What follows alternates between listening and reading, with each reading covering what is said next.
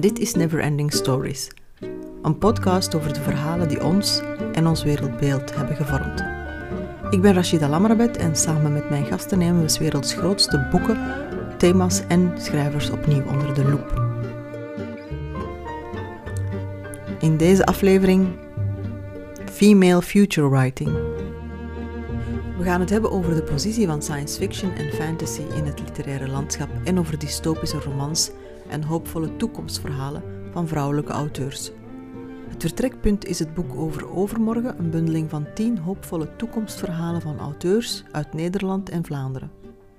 Ik ga in gesprek met Fiep van Bodegom, Annelies Verbeke en Moj de Feili. Welkom iedereen, goedenavond. Vandaag gaan we het hebben over science fiction. Ik begin graag met Fiep van Bodegom. Fiep studeerde literatuurwetenschappen en cultural analysis aan de Universiteit van Amsterdam. En zij publiceert recensies, essays, interviews, vertalingen en ze schrijft voor uh, onder andere De Groene Amsterdammer en uh, tijdschrift De Gids. En Fiep werkt aan haar debuutroman. En dat is een debuutroman die ook over de toekomst gaat, hè? speculatieve fictie. En uh, we kijken heel erg uit naar de komst van, uh, van dat boek, want ik denk dat het een zeldzaamheid is dat we in ons taalgebied uh, rond die thematiek schrijven. Maar misschien moeten we daar straks uitgebreid over praten. Moj de Feili is Master English Literature in a Visual Culture. Ze werkt als freelance redacteur en recensente voor verschillende kranten. En ze doet vaak onderzoek naar gender en identiteit in Engelstalige literatuur. Ze is gespecialiseerd met name in Amerikaanse cultuur met een focus op de periode van de tweede feministische golf en de seksuele revolutie. En als laatste, but not as, as least, um, heb je Annelies Verbeke, die Germaanse taal en letterkunde studeerde en die ondertussen echt wel een indrukwekkend uiver bij elkaar heeft geschreven, in verschillende talen vertaald uh, werd en heel regelmatig uh, ook bekroond werd. En ze kreeg de afgelopen weken zowel de Jana uh, Beranova-prijs als de Ultima der Letteren van de Vlaamse gemeenschap. Gefeliciteerd nogmaals, Annelies. En ik denk dat zij de enige is in dit selecte groepje die een alter ego heeft opgetrokken uit artificiële intelligentie. Maar misschien kunnen we daarover straks nog uh, meer zeggen. Nu, um, vandaag gaan we het dus hebben over female future writing.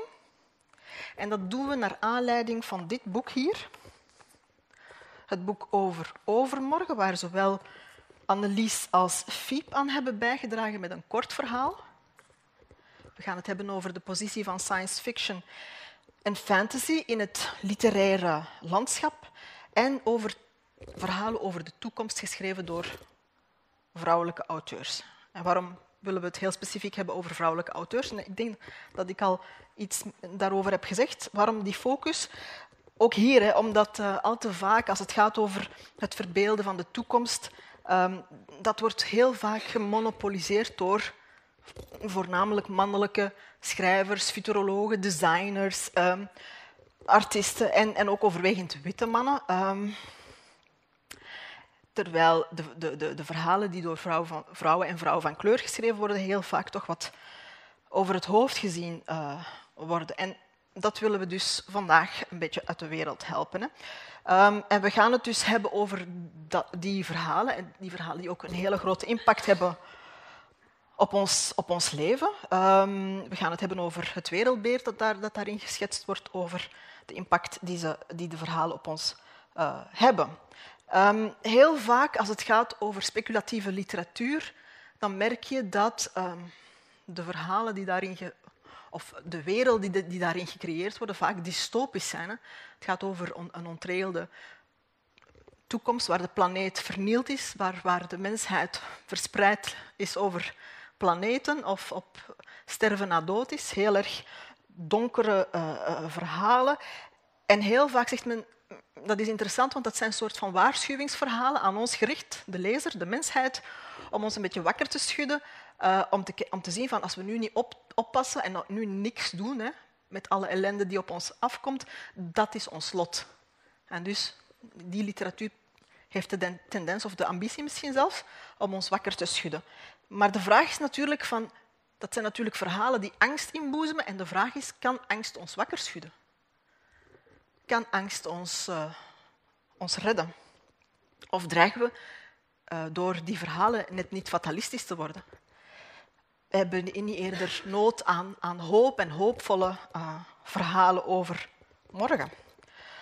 Um, Marge Piercy, een van de auteurs waar we straks ook over gaan praten, zegt het op deze manier.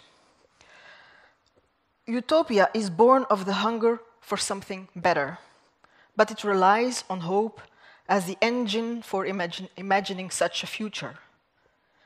The point of creating futures is to get people to imagine what they want and don't want to happen down the road, and maybe to do something about it.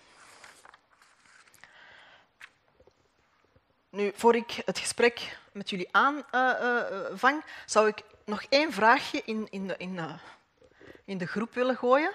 Daar moeten jullie nu niet onmiddellijk op, op antwoorden, maar ik zou graag willen dat jullie er een beetje over nadenken, dat we dan aan het einde van ons gesprek hier samen met jullie over die vraag kunnen uh, reflecteren. En mijn vraag aan jullie is, um, welk uh, boek of welk gedicht geeft, geeft jullie hoop in de toekomst? Welk werk is voor jullie belangrijk om naar morgen te kijken op een hoopvolle manier? Um, Misschien is dat een moeilijke vraag. Ik denk dat dat... Maar, maar jullie hebben de tijd om, om daar e- even rustig over na te denken en dan kunnen we daar achteraf uh, wel over uh, praten. Nu, um, ik zei het al, we gaan, de aanleiding is eigenlijk dit boekje, um, waar zowel Fiep als Annelies uh, een kort verhaal in hebben geschreven. Dit boek is er eigenlijk gekomen um, als resultaat van het project 2084, Annelies. Ik denk dat ik daar, en Fiepje, dat dat juist is. En dat is een, het project 2084, De toekomst is hoopvol. Dat is een, initiatief van uh, Green Track Gent en uh, de vakgroep Letterkunde en het Centrum voor Duurzame Ontwikkeling van de Universiteit Gent. Tien Vlaamse en Nederlandse uh, auteurs werd gevraagd om een hoopvol kort verhaal te schrijven over de toekomst. Um, en dat bleek eigenlijk niet zo'n gemakkelijke opdracht. Als ik de verhalen zo'n beetje heb gelezen, uh, heel veel auteurs worstelden eigenlijk met, uh, met die, die, hoopvolle gedachten voor de toekomst. Hè. Zeker als je kijkt de opeenvolgende crisis waarin onze planeet en onze politiek in verwikkeld is, was het toch niet zo eenvoudig om een optimistisch verhaal te schrijven. Um, en ik vraag me af, hoe moeilijk is het voor jullie geweest om een verhaal te schrijven dat hoopvol naar de toekomst kijkt.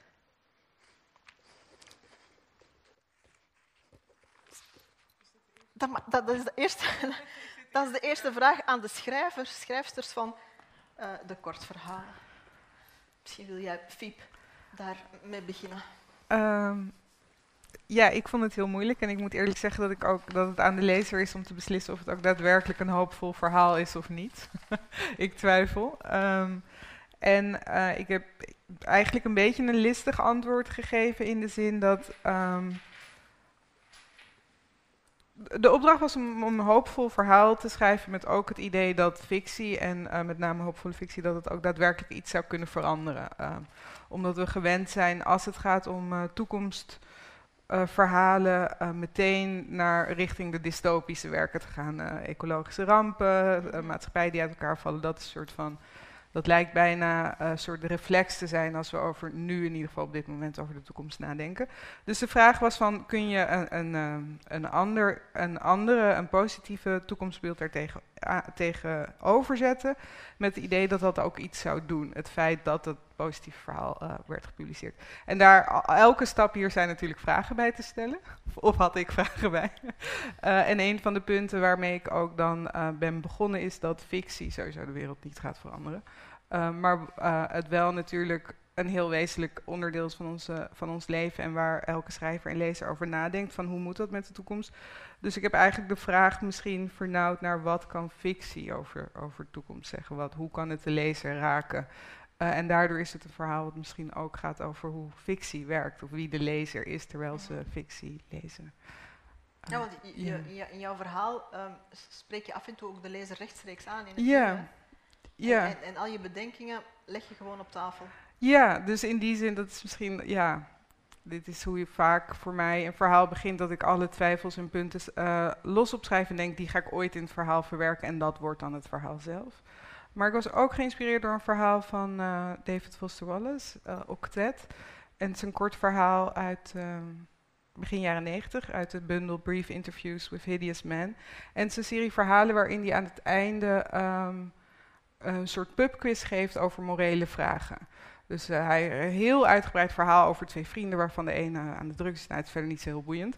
Uh, maar de vorm is dat je uiteindelijk als lezer de vraag krijgt: wie heeft gelijk? Wat zou jij doen? Uh, en ik heb eigenlijk die vorm op een bepaalde manier gebruikt, ook voor dit verhaal. Dat vond ik heel inspirerend. Um.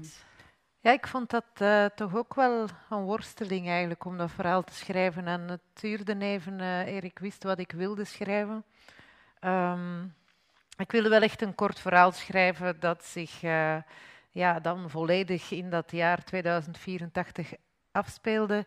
Uh, en ik dacht, ik, uh, ik beschrijf één dag in het leven van mijn jonge hoofdpersonage die 17 is. En in een uh, zoop leeft, in een zooperatie. Daar zijn nu ook al experimenten mee.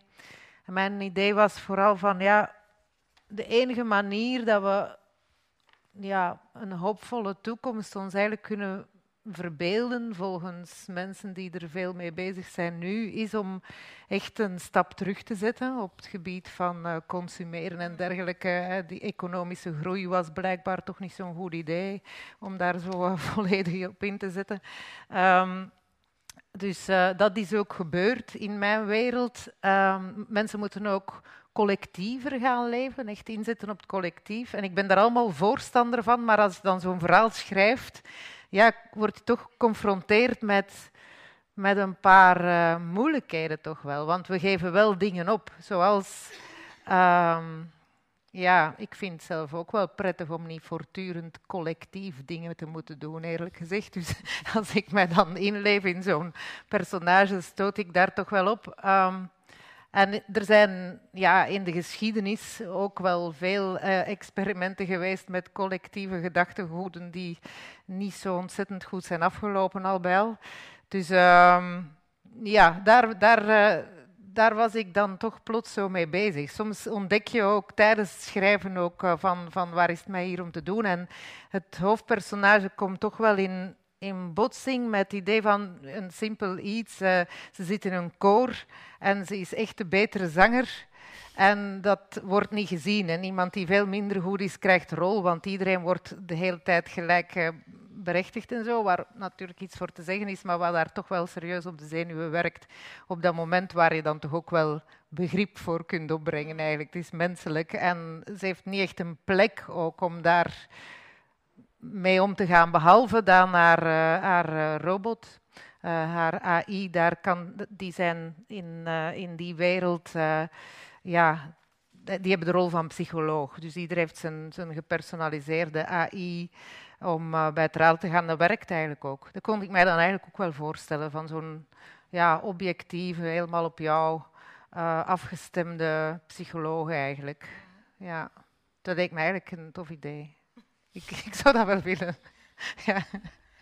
Dus inderdaad, als je, het, als je de toekomst uh, verbeeldt, dan moet je inderdaad een hele nieuwe wereld in elkaar uh, uh, steken. Hè. Ook de manier waarop de samenleving georganiseerd wordt, in welke vorm doen we dat dan? En dan kom je natuurlijk op, op de grenzen van, van, van de mogelijkheden. Hè. Want die utopieën die hebben we natuurlijk ook al gehad in, het, in, in de echte wereld, van, in het verleden. En die zijn inderdaad vaak heel falikant afgelopen. Hè. Het, het, individu gaat, er, gaat eraan kapot. Uh, of moet daar het onderspit delven. In, in jouw verhaal uh, zeg je van, uh, krijgen de mensen lessen in nederigheid. Mm -hmm. um, hoogmoed is is in dat verhaal eh, de, de, de vijand. Hè? Is het, het, het grootste gebrek van de mensen. Kan je daar iets over zeggen? Ja, maar ik denk dat dat wel degelijk klopt. Hè, dat we veel nederiger uh, in het leven moeten staan. En uh, ja, de jeugd in mijn verhaal krijgt ook les op school over insecten bijvoorbeeld. Of over de sterren. Om, om voortdurend eigenlijk te benadrukken van we zijn maar een onderdeel van een veel groter geheel. En dat lijkt mij wel allemaal een goed idee op zich hoor. Om, om dat uh, ja, goed te doen beseffen aan mensen van het gaat niet om jou hier de hele tijd in dat heelal. Hè. Dat was eigenlijk uh, allemaal niet van jou of van, aan jou om te bepalen uh, hoe de kosmos uh, moet evolueren of zo. Ehm, dus, um, dus dat op zich, ja, dat, dat, vond ik eigenlijk wel de basisgedachte voor een betere toekomst of zo. Dat, dat mensen wat minder hoog, ja, hoogmoed tentoonspreiden. Ja, in, in plaats ook een beetje kennen ten aanzien van de natuur en Ja. Ja, ja, want dat is natuurlijk ook wel zo. Hè. Ik heb mij zo'n tijdje ook uh, op een boek geworpen over insecten. En dan, ja, ik, ik ben daar niet in opgeleid of zo. Dus bij elke bladzijde denk ik, ja, serieus, wauw. Ja. ik ben de hele tijd onder de indruk over wat er eigenlijk allemaal al bestond. En uh, waar ik dan helemaal niks over wist of zo, ja. ja.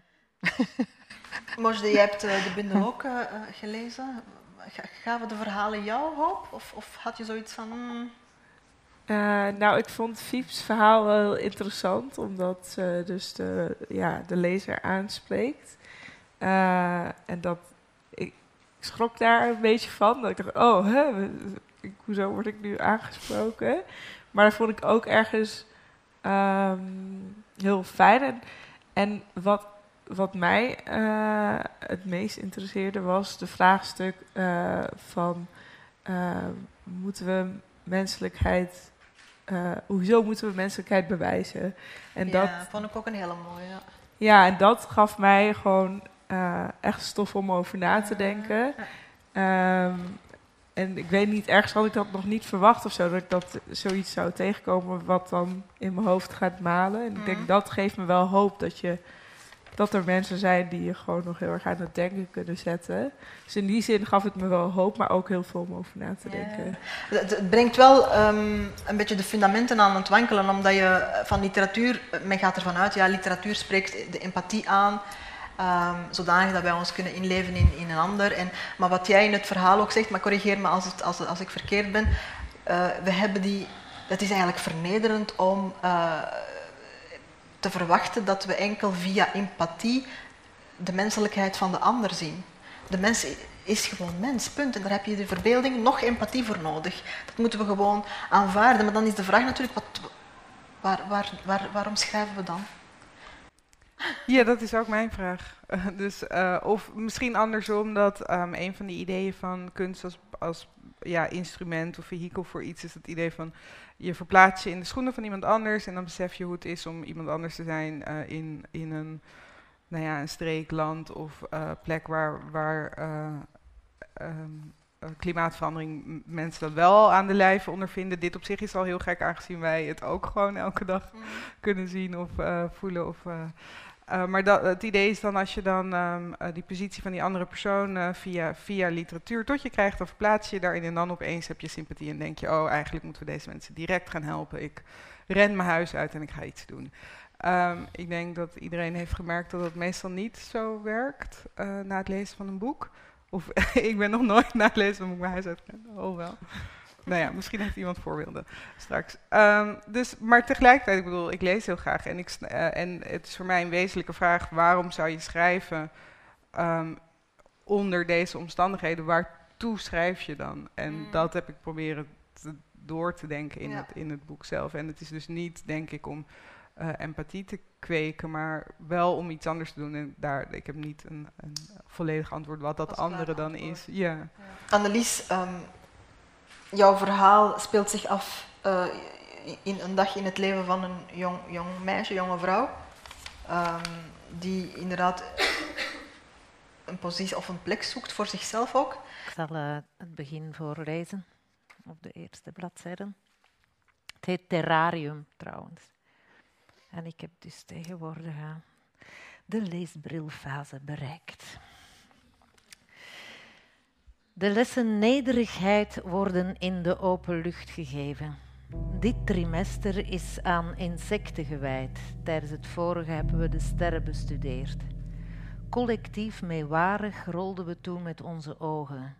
Terwijl in het begin van de eeuw dorstige mensen massaal de dorstige gebieden verlieten, stonden oliebaronnen naar planeten te wijzen naast hun space lawyer. Ik wil die, die en die. De hoogmoed van onze voorouders was vaak zo belachelijk. Eentje, zijn naam ben ik vergeten, schoot een auto de ruimte in, een pop met een helm op aan het stuur. Die rijdt nog steeds rondjes om de aarde tussen de andere rommel.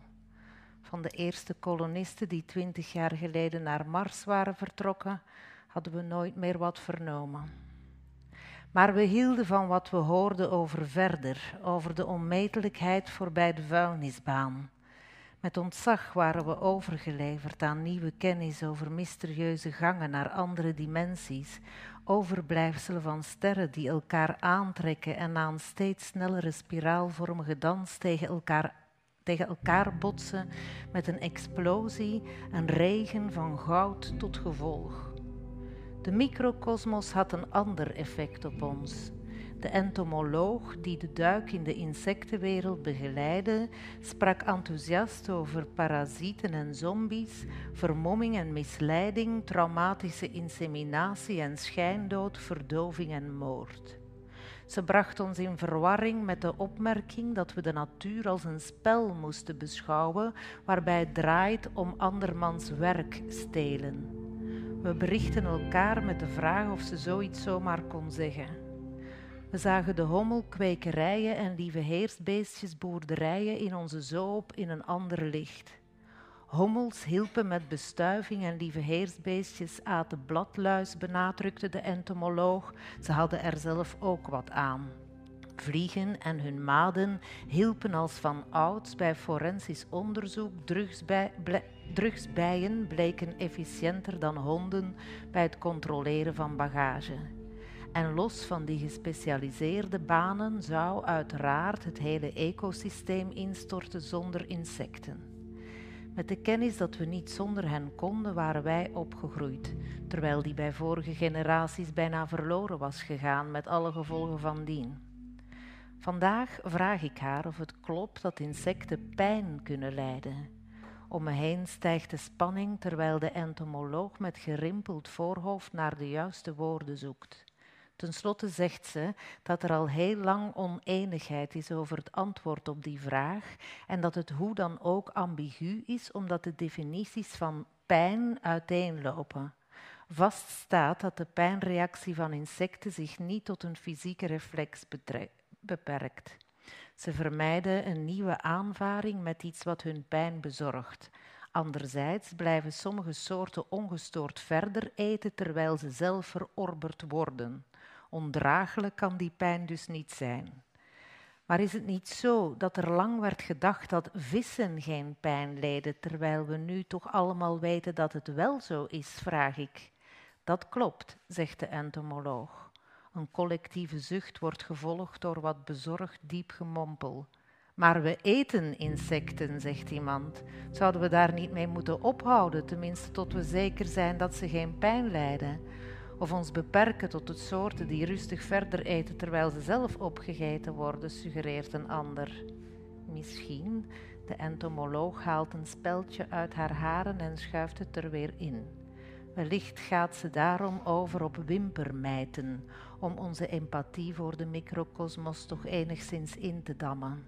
Na enkele minuten wrijven we allemaal in onze ogen. Dankjewel. Ja, je merkt inderdaad in dit stukje dat je echt hebt ingelezen over insecten. Ja, ja, ja. Ik, ik zat uh, ja, eens een zomer lang over insecten te lezen. Ik, heb een, ik had een uh, lieve heersbeestjeskwekerij dan ook zelf. Ja, ja, want allee, ik vond nu, ik ga daar nu ook niet een gans leven aan de lieve heersbeesten zwijten. Dus ik heb één keer uh, een kweek gedaan en dan heb ik ze vrijgelaten. Vrijgelaten. Tegen de luister in de tuin? Of in de tuin gewoon, ja. ja, ja. Heb je dat ook? Nee, dat kun je gebruiken als bestrijdingsmiddel als je luizen in je plant hebt. Dan Bladluis luizen- eten ja, zij, Precies, ja. bladluis. Dan laat Ja. je... Op- Opmerkelijk ook in die verhalen ehm, eh, is, en, en je merkt dat niet alleen in, in, in het boek over overmorgen, maar eh, in heel wat verhalen over de toekomst. eh, De, men grijpt heel vaak terug naar, naar, naar recepten van vroeger, naar, naar samenlevingsvormen van vroeger, naar kennis ook, die we eigenlijk al heel lang hebben, maar Mhm. Eh veronachtzamen, eh, sp- speelt dat een rol? En, die, en welke rol is dat dan eh, ons verleden? Wat we, wat we allemaal al hebben geleerd en meegemaakt en geprobeerd in, in, in, in de toekomst? En, en welke rol is dat dan? Voor jou. Ehm, nou, ik denk, eh, als ik ook kijk naar het boek wat ik eh, getipt heb eh, van Marge Piercy, doet ze dat ook en grijpt ze ook terug naar, naar het oude en, en bekende. Maar ik denk dat dat gewoon met schrijven ook sowieso iets, iets is wat je doet. Je schrijft iets wat je kent of wat je kunt kennen. Ehm, en door bepaalde elementen die wel goed waren van het verleden bij elkaar te brengen, kun je dan een utopie bedenken. En ik denk ook dat wel een maat van nostalgie daarbij zit. Ehm, het is makkelijk om terug te kijken en zeggen dat waren goede tijden, terwijl eh, terugblikken heel vaak met een soort van roze bril eh, kan samenkomen. Dus ik denk dat het een, een combinatie van elementen is waardoor je dat heel vaak ziet. Ehm, maar ook simpelere ehm, elementen kunnen ook gewoon wat meer hoop geven. In, in het boek van Marge Piercy hebben ze bijvoorbeeld geen steden meer, maar alleen maar dorpen en leven ze heel eh, erg in, een, in communities. Mhm, mhm. En ehm, ik denk dat dat dus ook eh, op een, een oud idee van eh, het dorpse leven was wat makkelijker misschien voor sommige mensen dan. Dat daarop berust is. Maar er zit wel een kern in wat wel klopt. Want als iedereen elkaar kent, kun je elkaar ook meer verantwoordelijk houden. Ja. En het is, het is, het is bijna een, radicale reactie tegenover het individualisme, het, het ieder op zijn eigen eiland. ehm, het zorgtaken worden, worden verdeeld, eerlijker verdeeld. eh, men gaat eigenlijk echt wel terug naar de essentie. Ehm, de vraag is natuurlijk, ehm, zoals je zegt, hè, bekijken we dat niet, niet te, te- te hard door een, door een roze bril? En, en wat hebben we dan nodig om, want die recepten uit het verleden hebben ook natuurlijk hun gebreken. Hè? Ehm, zeker als je kijkt bijvoorbeeld als je in rurale gebieden kijkt naar de positie van vrouwen, waar, waar het meeste van de taken op, op, op komen. Wat hebben we dan nodig om, om dat soort van, van onevenwichten of ongelijkheden ehm, weg te werken? Ja. Dat we, diezelfde, dat we die fouten niet opnieuw maken. Hebben we dan iets super, super nat- eh, natuurlijk nodig? Of hebben we technologie nodig? Hebben we... Ja, wat Marge Piercy heeft gedaan is dus inderdaad wat oude ideeën pakken, maar ook wat nieuwe ideeën toevoegen. Want in, eh, in die oude vorm van samenleving was, viel de zorg heel erg bij de vrouw inderdaad. Maar in eh, haar toekomstbeeld is er sowieso eh, niet meer gender. Dat het is een post-gender wereld. Dus gender is geen meer. concept meer. Eh, en iedereen is een moeder. Dus, dus het staat los van, ehm, van gender ook. Je voedt kinderen niet op eh, in, in romantische relaties, maar met z'n drieën altijd. En ze mogen geen eh, romantische relaties En hebben. dus dat is een oud idee, hè? Dat idee van de extended family, waar je nu- de nucleaire familie is eigenlijk een modern iets, hè? Ja. waar waar je in, in oudere gemeenschappen het kind opgevoed wordt door, door de bredere gemeenschap. Hè? Meerdere Klopt. moeders, meerdere... Maar het nieuwe element wat ze daaraan toevoegt, en dat is iets wat, ehm, als je het leest, roept het heel veel ongemak op. Maar ehm, niemand geeft meer eh, birth, zeg maar. Niemand die, die Baart. wordt. Ja, precies. Maar kinderen worden in een soort van ehm, geboortemachines gemaakt. En dat is dat toekomstige technologie-aspect wat ze aan toevoeg- toegevoegd heeft. Eh, en zo is het dus dan ook niet meer dat degene die een baarmoeder heeft, eh, dat die dan zeg maar de verantwoordelijkheid draagt om een kind op de wereld te zetten. Nee, daar zijn die machines voor. Mhm. Dus op die manier probeert ze ook een groot eh gendervraagstuk op te lossen. Mhm. Maar ja, het roept dus ook wel wat ongemak Wat op. ongemak op. Ja. Ja, ja, ja. Voelt wat afstandelijker en klinischer. Heel mooi. Ehm Fiep, jij- ik, ik zou ook heel graag een stukje uit jouw verhaal ehm, willen horen, het verhaal Wendingen. Ehm, heb jij een stukje dat je voor ons wil, wil voorlezen? Ja, ik zal een kort stukje voorlezen uit het ehm, ergens aan het einde. Dus zoals gezegd, het zijn delen, ja, een soort metafictie waarin de lezer direct wordt aangesproken en delen waarin eh, er wel een soort, ook een soort van, ja, in 2084. En dit, nou, je zult het zelf horen. Een optimistisch toekomstverhaal is een verhaal waarin de suggestie wordt gewekt dat we nog kunnen kiezen. Dat de echte belangrijke keuzes altijd voor ons liggen en nog mogelijk zijn. Dat het heden plastisch is en dat ook altijd is geweest. Bij het denken over een hoopvolle toekomst was mijn eerste impuls om simpelweg te extrapoleren. Om de veranderingen van de le- leefwereld en het klimaat door te trekken en te combineren met een hypothetische politieke omwenteling, plus de extrapolatie van een paar nu in ontwikkeling zijnde technologieën. Laten we zeggen, een verschuivende kustlijn die een deel van de randstand onbewoonbaar maakt, een regering bestaande uit burgerberaden na een vreedzame revolutie, windmolens, zonne-energie, stadsverwarming, ondergrondse koolstofopslag en koolstofneutrale steden door het aanplanten van bomen. Hetzelfde leven, maar dan wat groener en soberder. Wel gezellig eigenlijk. De veronderstelling zou zijn dat we niet veel hoeven te veranderen, dat de goede, de niet-apocalyptische, de juiste toekomst zich nog steeds buiten ons handelen om kan ontvouwen. Wat is het verschil tussen de lezer keuzes to- tonen en keuzes geven? Is er überhaupt een vorm mogelijk in fictie, woorden op papier, waar keuzes krijgen als lezer meer is dan een gedachte-experiment? De enige manier waarop we een hoopvolle toekomst kunnen verbeelden is door realisme los te laten. Maar wat is dat eigenlijk, realisme? Misschien het idee dat het kind de vader van de volwassene is, dat, je, dat A je altijd naar B zal brengen en dat alles, alles altijd wederkeert. Niet omdat wij het voortdurend reproduceren, maar omdat de dingen nu eenmaal zo zijn. Niet goed, maar ook niet slecht. Simpelweg omdat ze worden aangemerkt als onveranderlijk en menselijk. En als je pech hebt, ook nog eens als universeel.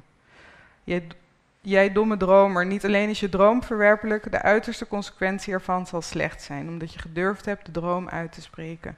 En wij staan klaar in de coulissen om te wijzen en te lachen met leedvermaak en te zeggen, zie je wel, ontkennend dat een mens niet simpelweg kan zijn, maar met elke ademteug al doet.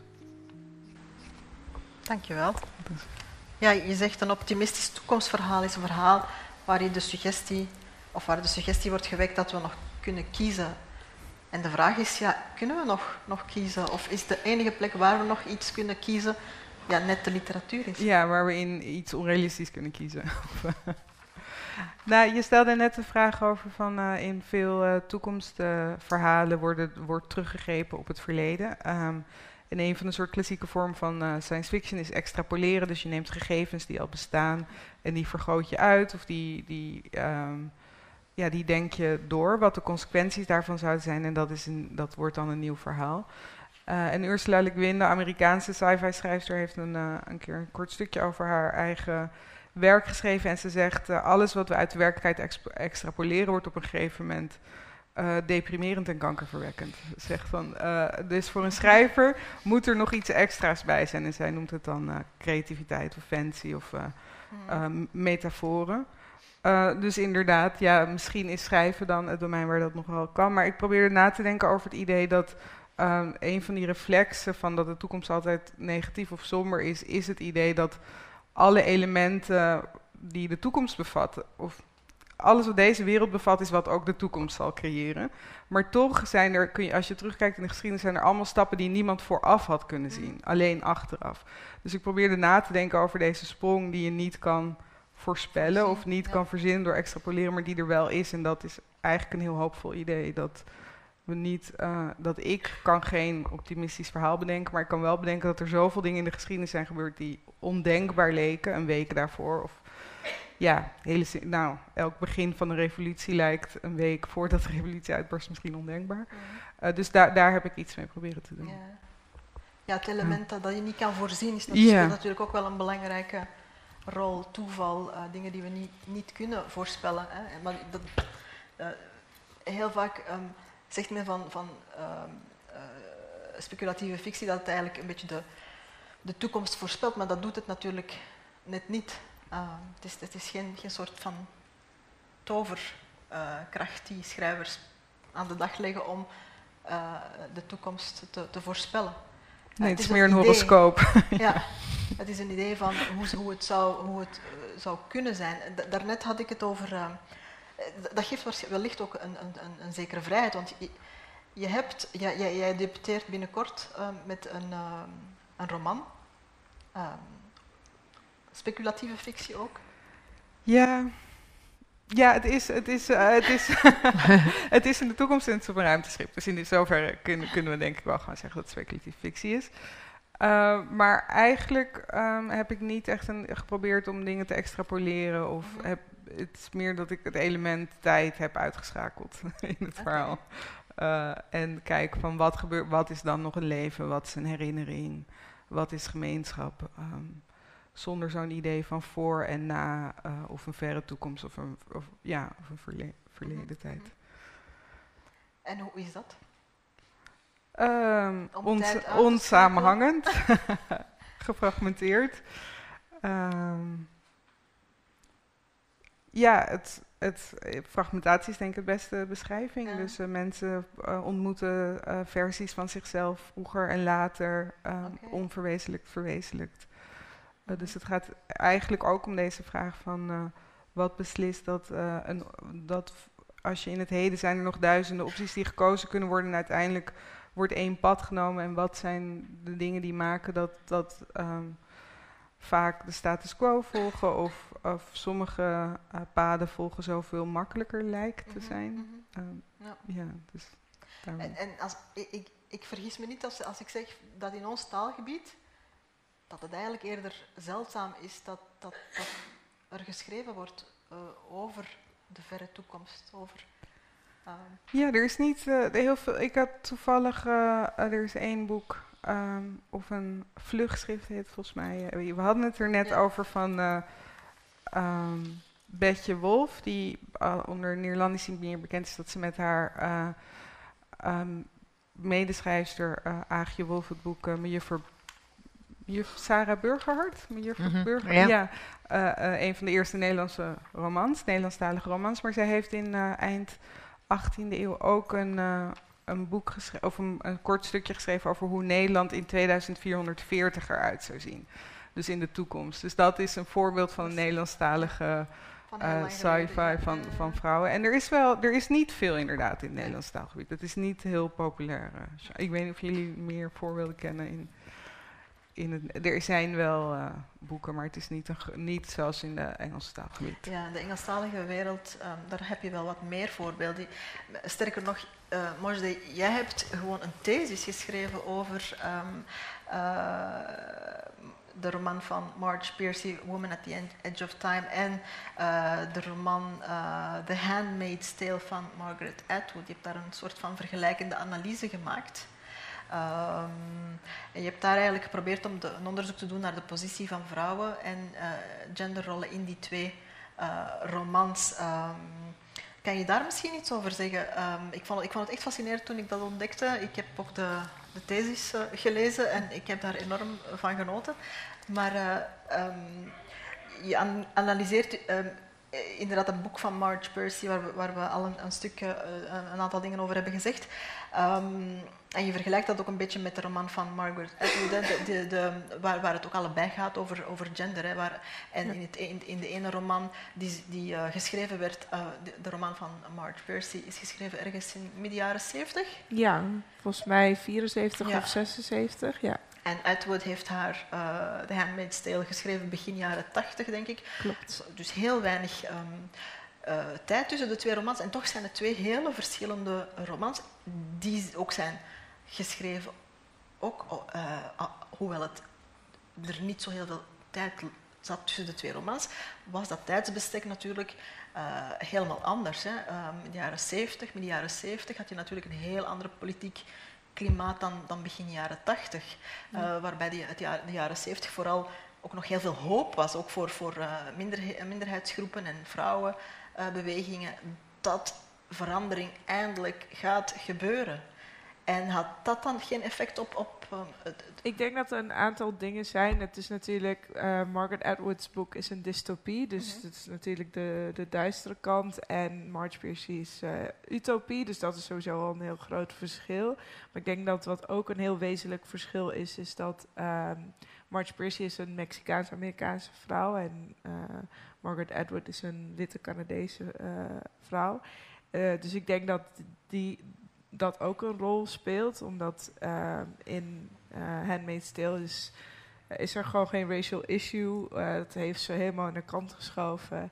En ehm, in Woman on the Edge of Time is het zeker wel eh, een, eh, een onderdeel. Maar ik denk niet eh, dat eh, Marge Piercy's boek zo hoopvol is als dat het lijkt. Omdat om zoiets hoopvols te schrijven moet je weten wat er allemaal mis is. Wat gecorrigeerd zou moeten worden Mhm. om die utopie te krijgen. Dus eigenlijk is het een hele grote kritiek op de, saam- op, op de samenleving van Amerika rond de jaren Mhm. 70. En, ehm, en ze, ze zet de utopie ook in een soort van schrijnend contrast ehm, met die eh, jaren 70 en de positie van, eh, van vrouwen van kleur. Mhm. Ehm, en de reden waarom ik die twee heb vergeleken is omdat ze allebei iets met reproductie doen. Ik heb het even kort gehad over die eh, broedmachines die eh Marge Pierce heeft bedacht. En Edward, die eh, weet, dat weten mensen waarschijnlijk wel, die gaat heel erg in op de abortus-kwestie en eh, eigenlijk vrouwen als een soort van reproductiemachine. Ehm, dus in die zin lijken ze ook wel weer heel erg op elkaar, omdat ze snijden op dat idee van de verantwoordelijkheid van reproductie ligt bij vrouwen. Dus dat, zijn, dat is een grote raakvlak die, Mhm. ze, die ze hebben. Dat blijkt wel een, een, een belangrijke te zijn, hè? die, die eh, reproductie of voortplanting. eh, bij, bij wie ligt de verantwoordelijkheid? Daar hangt ook heel veel, veel aan vast. Hè? Ehm, een egalitaire samenleving hang- valt of staat met ehm, hoe je omgaat met die reproductieve re- rechten van vrouwen. We zien dat ook nu in de Verenigde Staten, waar heel die abortuswetgeving op, de, op de helling eh, komt te staan. Ehm, mijn vraag aan u is. ehm,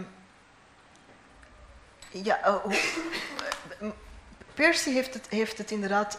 Heeft een heel een redelijk utopisch toekomstbeeld geschreven, waar, waar, die, waar ze die reproductie loskoppelt van, van, van vrouwen. Hè. Die maakt daar eigenlijk een gemeenschapszaak van. Maar ze, ze, ze schetst ook op een gegeven moment een heel, een heel duister toekomstbeeld. Hè. Als, als, als, ook als een soort van waarschuwing van dit is ook mogelijk. We kunnen inderdaad in de utopie geraken als we slim genoeg zijn en, en, en, en we doen de dingen juist, maar we kunnen even goed vergelijden in een dystopie. Klopt. En die grens is heel delicaat. Klopt, dat is, dat is eigenlijk, slaat ook op wat Fiep net zei over het, eh, eh, zeg maar de mogelijkheden die vanuit een positie van nu naar, naar voren worden gezet. Dus de beslissingen die we nu maken, ehm, die hebben effect op de, op de toekomst. Eh, ondanks dat we inderdaad heel vaak het niet kunnen voorspellen. En in, ehm in Marge Piercy's boek de, de context is dat degene, de protagonist die in het heden leeft, die eh, maakt een soort van mentale connectie met iemand in de toekomst. En één keer maakt ze per ongeluk een connectie met iemand anders en komt ze in een hele andere alternatieve toekomst terecht, waarin eh, er geen eh, zuurstof meer in de, in de lucht is. Dus iedereen moet een soort van kunstmatig zuurstof krijgen. Eh, en het grote doel voor vrouwen is om te trouwen en kinderen te krijgen. En zo mooi mogelijk te blijven door allemaal plastische chirurgie te doen. En alles is kunstmatig. En het is, ja, het- als je dat vergelijkt met de andere toekomst, dan, eh, ja, dan word je eigenlijk misselijk van, eh, bijna. Ehm, dus het is inderdaad een soort van waarschuwing. Maar ik denk wat ze er ook mee doet, is zeggen van het, het staat niet vast, de toekomst. Mhm. Dus ik schets nu een soort van toekomstblik, maar dat, dat staat niet op alle vast. kanten uit. Ja, en het Precies. hangt af van, wat je, van de beslissingen die je in het hier en nu eh, neemt. Ja. Zou, zou je daar een stukje uit willen voorlezen? Ik heb een ander stukje voorbereid. Ehm, voor eh, bedacht. Want het is Eh, nog niet vertaald. hè. Het is, Nee, dus ik ga het even in het Engels doen. En het stukje wat ik heb, ehm, heb gekozen, nou, de context daarvan is dat iemand op een hele jonge leeftijd komt te overlijden.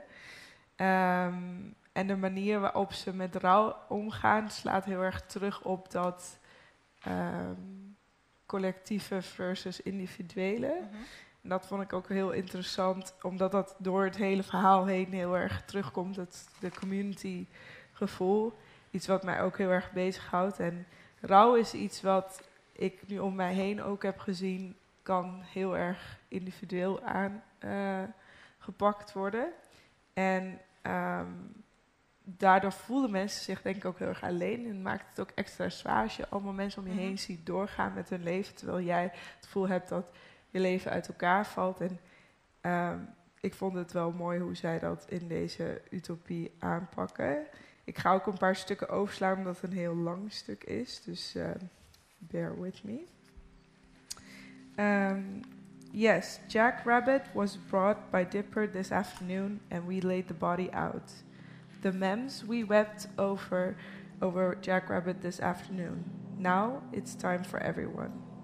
The room was round and about half the size it had been for the holy. Most of the younger people were sitting on mats, blankets, cushions on the floor, while the older people sat on chairs.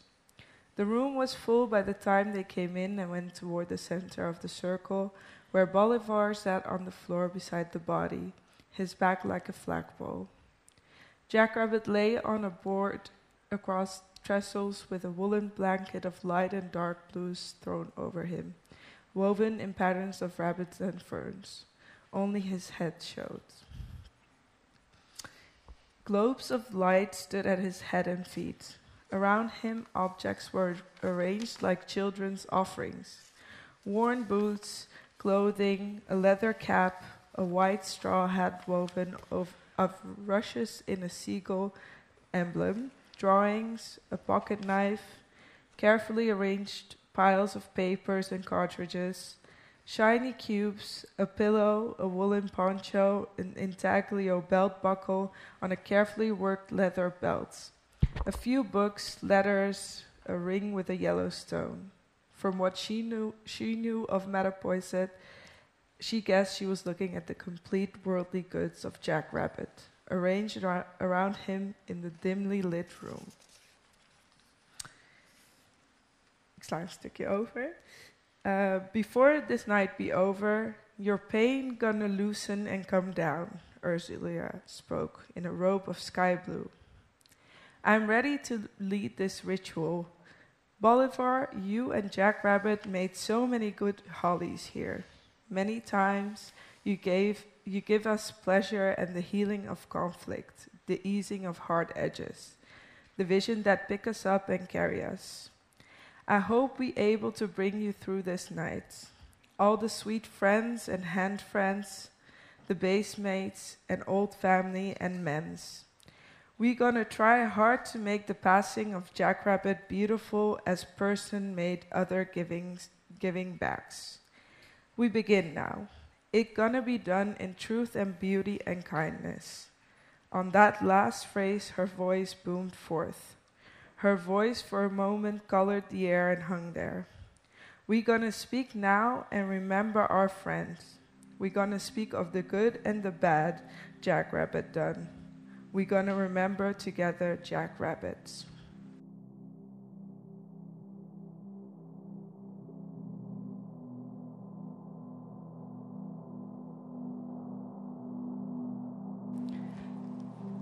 Dus dan gaan ze eigenlijk de hele nacht, eh, zolang je maar wilt, mogen mensen dan om hem heen blijven of om hen heen blijven.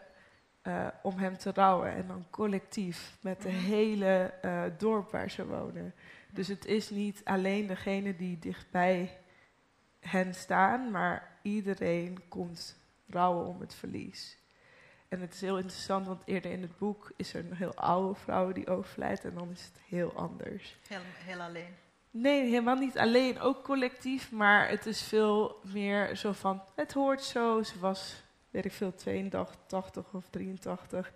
En dan eh, zie je het verschil tussen iemand heel jong verliezen en oud verliezen. En hoe iedereen met rouw omgaat als een collectief. Dus bij de ene is de vreugde, want die heeft een vol leven gehad. En bij de ander is het, nu gaan we de rouw er echt uitwerken Mhm. als community. Ja. Het, het, het, de manier waarop die rouw daar wordt beschreven, klinkt bij mij eigenlijk heel erg herkenbaar. Hè? Ik bedoel, als er bij ons in de Marokkaanse gemeenschap iemand overlijdt, ja, dat is ook een collectieve rouw. Hè? En dat is 40 dagen lang Ja. dat je huis vol hebt. Hè? En dat, dat de mensen die eh, getroffen zijn door, eh, door een overlijden, dat die geen moment alleen zijn. En dat doet inderdaad wel veel. Dat doet inderdaad veel. Ik vind het heel fascinerend dat je inderdaad in die verhalen van de toekomst, dat je, dat je echt wel teruggrijpt naar, de, naar, naar dat wat, wat belangrijk is, wat van waarde is en wat essentieel is eh, voor ons mensen. Eh, en en de, een van de dingen die essentieel zijn, is dat we inderdaad in gemeenschap eh, het, het best tot, tot ons recht komen. Dat we, Ja. ehm, dat we niet alleen, ehm, moet, of niet zijn gemaakt om alleen te zijn, ook een stuk. Ja. En dat leed samengedragen mm, zou moeten worden. ja, want ik denk dat heel veel van rouw, natuurlijk is het missen en, en ehm, is, het, eh, is het een leegte ook ergens. Maar ehm, als je daar samen doorheen kunt gaan, dan voelt het minder alsof jij in een wereld staat waar alles om je heen vliegt, maar jij weet niet hoe je de volgende stap moet zetten. Mhm, Als er mhm. mensen om je heen zijn waar je dat samen mee kan doen, dan voelt het minder alleen, denk ik. Minder alleen ja, en minder zwaar, ja. Ja, en met, met, zijn, met meerdere kan je natuurlijk meerdere oplossingen ook bedenken. Ah. Ja. ja. Je, dat, dat boek dat draag je natuurlijk al een tijdje met je mee. Hè? Uh, Woman at the Edge of Time. Wat, wat betekent dat voor jou persoonlijk, dat boek? Ik denk dat het voor mij de eerste keer was dat ik ehm, zoiets las. eh, iets las waarvan ik dacht, daar zou ik wel naartoe willen werken. Dus in die zin heeft het mij wel. Ik ben niet mijn huis uitgerend, maar het heeft me wel een soort van motivatie gegeven om me wel uit te spreken of wel ehm, gemotiveerd te blijven om te werken naar een maatschappij die misschien hierop lijkt of een versie hiervan is waar, waar we wat gelijker zijn en, en het helpen voor te stellen dat het wel mogelijk is. Ook al kun je misschien niet met iedere individuele beslissing daar komen, maar Maar een andere toekomst is mogelijk. ik, ik hoop het. Maar dat is dus wat het doet. Het geeft je de hoop en motivatie, denk ik. Ja. Alternatieven, eh, het creëert een, een, ja, alternatieven ook. Hè, van, we hebben eigenlijk alles in huis. Eh, als we het nu op een intelligente manier inzetten, dan kan het nog iets moois worden, die wereld van ons. Ja. Ja. Ja, het is zo van als je gaat hard, hardlopen of zo, dat je denkt, nog even tot die boom. Ja. Een beetje zo'n doel voor ogen hebben. Ja. Heel mooi, dankjewel. Um, um, Fiep, jij hebt ook een boek uh, op de leeslijst gezegd, gezet en dat is Par Parable of the Sower van Octavia Butler. Ja. Um, dat is ook een, een, een, schrijfster die nog niet vertaald is in het Nederlands. Ja, er komt uh, dit najaar in augustus een eerste vertaling van haar werk, een ander boek uit uh, 79, Kindred. Um, moet ik even goed zeggen, volgens mij wordt het vertaald als verbinding. dit, dit, moet ik even nazoeken. Okay. Want het, letterlijk zou het ook verwantschap kunnen zijn, dus er waren meerdere opties uh, hoe het te vertalen. Maar ik heb een ander boek meegenomen later uit haar oeuvre, uh, Parable of the Sower. Um, en ik zat eigenlijk te denken, het is helemaal niet hoopvol. Uh, op geen enkele manier. Het is zelfs misschien hoopvol in de zin dat je hoopt dat dit niet de toekomst is. En zij heeft precies het procedé gevolgd. Octavia Butler als Amerikaanse schrijfster die in 2006 is overleden. Ze was geboren in 46, dus um, iets wat ik ooit dacht dat oud was, maar nu ik erover nadenk eigenlijk helemaal niet zo oud was. Ze was eind 50. Um, en um, ze volgde het nieuws heel nauwkeurig in de jaren 80. Uh, en uit die gegevens had zichzelf de opdracht gegeven een boek te maken met dingen die echt zouden kunnen gebeuren. Uit dus al dat nieuws wat ze verzamelde. En de wereld die ze schetst, die het wordt, uh, is, een, is een Californië wat uh, met extreme droogte, uh, de overheid, de staat is uit elkaar gevallen. er zijn allemaal nieuwe soort drugs op de beschikbaar. Eén is Pyro en dat is een spul wat als mensen dat gebruiken willen ze alles in de fik steken, want dan krijgen ze een soort van de beste high ervan. Maar andere dingen zijn ook... Um, een van de elementen die wel echt fictief zijn, is dat, dat er ook een bijwerking is van drugsgebruik. Dat kinderen van, van die mensen die dat gebruiken tijdens hun zwangerschap ehm, de pijn van anderen kunnen voelen. Extreem empathisch. Extra, ja, hyper, hyperempathy noemen ze dat ook. En dat is een soort ook een beetje een soort van uh, um, gênante aandoening, wat het zegt dat je, dat, dat je ouders uh, aan de drugs waren. Uh, maar in ieder geval, het verhaal gaat over een jonge dochter van een predikant. Nee, wat is het als het een baptist is? Dominee, ja. een dominee. Uh, en zij, zij is zelf niet meer, uh, zij is van het geloof gevallen, maar ze denkt wel dat geloof iets is wat een gemeenschap kan vormen of de mensheid een doel kan geven. Dus ze begint eigenlijk haar eigen religie. Um, maar dus de hele maatschappij is uit elkaar gevallen. Mensen wonen in een soort van ommuurde, geïmproviseerde dorpen. Dus eigenlijk ook zo'n soort terugkeer naar een eerdere, klein, kleinschalige uh, gemeenschap. Uh, maar er is zoveel geweld, ze moeten vluchten. Uh, en zij begint als een soort van uh, ja, messias bijna haar eigen religie uit te dragen. En een van de doelen voor haar is dus, de wereld is heel erg uit elkaar gevallen, is om toch de mensen nog in de ruimte te krijgen. Want zij denkt, de aarde is ten dode opgeschreven, de enige toekomst van de mensen is tussen de, de sterren. en haar geloof heet ook Earthseed. Dus een soort het zaaien van de mensen in de, in de sterren. Um, ja, dit is eigenlijk, ik heb je verteld waar het boek over gaat, maar was dat... Octavia Butler is eigenlijk ook wel een, een, een pionier um, als, het, als het gaat over uh, science fiction uh, in de Engelse of de Amerikaanse literatuur.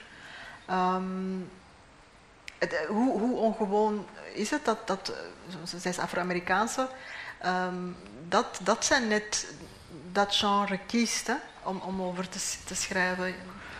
Ja, ze was lange tijd eh, de, de enige eigenlijk. Je hebt nu uh, een van de titels op de leeslijst is van de andere grote, of, uh, maar die is natuurlijk veel jonger, Jemison met de fifth season, die staat hierop.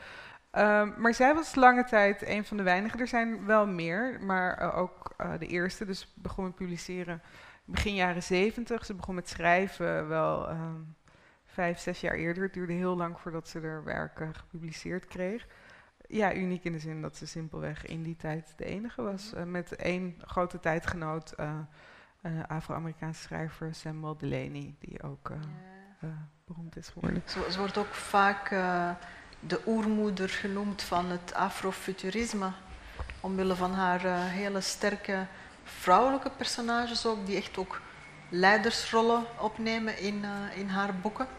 Um, heb jij daar... Um, affiniteit mee met, met, dat, met afrofuturisme? Um. Um,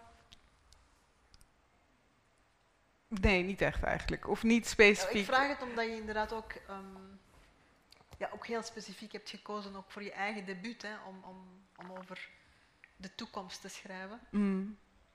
En nou, ik vroeg me af of dat inderdaad een, een, een beïnvloeding had kunnen is geweest. Ja, ik, ik het is een beetje ingewikkeld waarom afrofuturisme een apart genre zou moeten zijn en niet simpelweg uh, science fiction of speculatieve fictie is. Um, en um, op de vraag waarom zij specifiek uh, sci-fi schreef, was omdat ze zei van ja, ik wilde gewoon het genre schrijven wat ik zelf het liefst las. Mm -hmm. Dus ze verzamelde ook haar hele leven heel veel uh, Superman comics en ze, ze, was gewoon een fanatieke science fiction lezer. En ik denk dat, en ze wilde ook heel graag, haar grote droom was om een bestseller te schrijven. En Um, we hebben de neiging om elke schrijver als een vergeten schrijver te zien die weer ontdekt moet worden. Ik bedoel, ze was, ze was goed gelezen tijdens haar leven. Uh, maar niet, ze heeft ook uh, heel veel erkenning gekregen. Ook, ja, relatief veel erkenning. Maar het opvallende is, ik denk, het soort van de proef van of een sci-fi schrijver echt erkenning heeft, is of zijn werk of haar werk verfilmd is. En dat is in dit geval niet zo, uh, nog niet, gebeurt in ieder geval, maar het uh, komt er wel aan. Gemaakt, is niet? Ja, er is een opera gemaakt van de Parable of the Sower. Mm -hmm. Inderdaad, maar een opera is niet het meest toegankelijke genre op zich. Um, dus ik ben even de... de draad ik was de draad kwijt. Ja, dus ze schreef omdat ze het zelf graag wilde. Qua afrofuturisme, ik zou niet zeggen dat ik zelf per se... Uh, ja, in, in, ja. nee, daarin pas. Of uh, uh, daardoor sterk... En ook zij um, vertrekt natuurlijk van een, een, een, dystopisch wereldbeeld waar alles in elkaar stuikt.